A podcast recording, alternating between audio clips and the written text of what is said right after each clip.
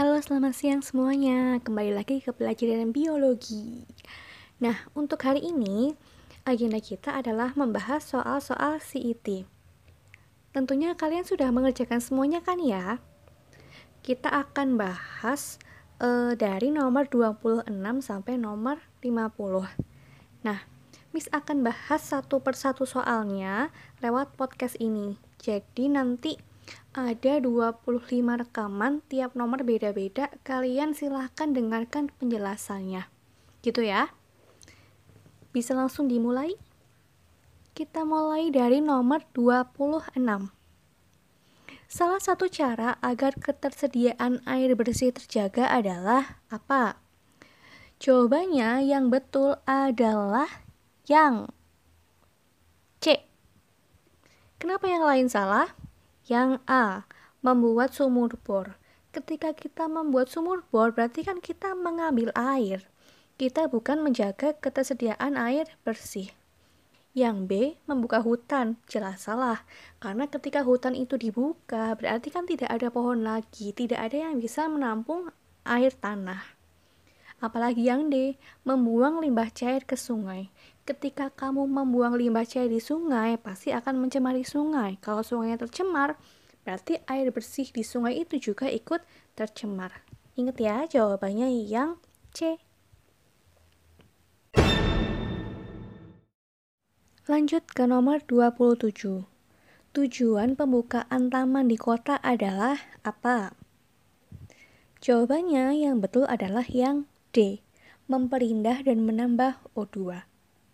Jawaban yang lain ABC itu memang betul, tetapi jawabannya kurang lengkap karena yang A hanya memperindah.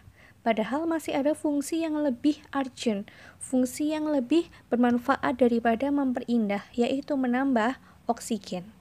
Yang B, menyediakan area bermain bagi anak kecil. Betul juga, tetapi uh, tidak urgent.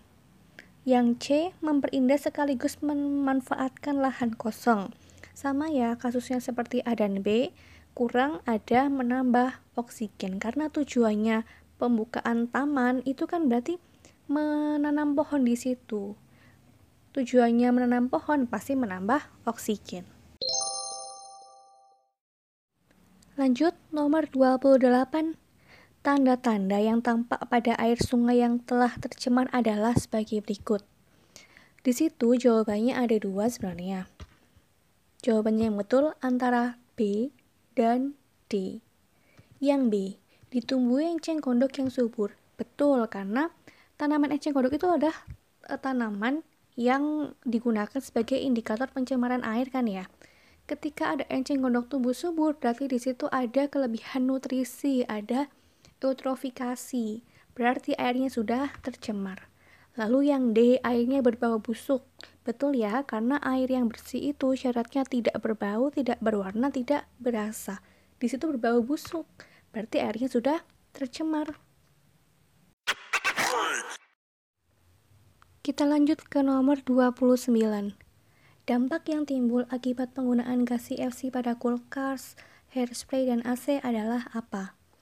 Jawaban yang betul adalah yang D, meningkatnya efek rumah kaca.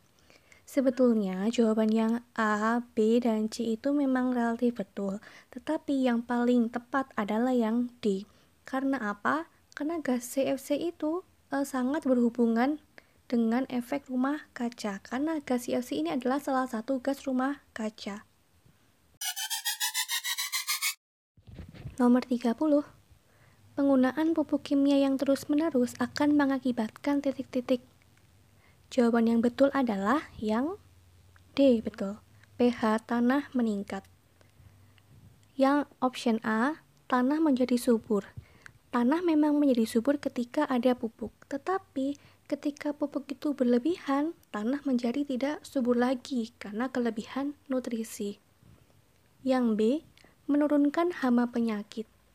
Ketika pupuk itu dalam jumlah yang sedikit, mungkin bisa menurunkan hama penyakit, tetapi ketika jumlahnya sudah berlebihan, maka justru akan bisa menjadi nutrisi bagi hama yang ada di tanaman itu.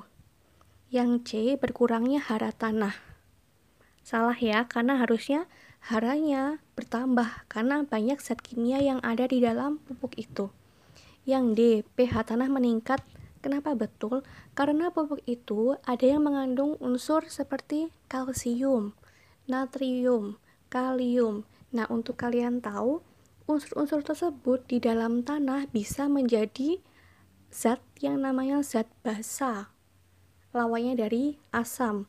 Nah, ketika basa itu bertambah, maka pH tanah juga akan meningkat.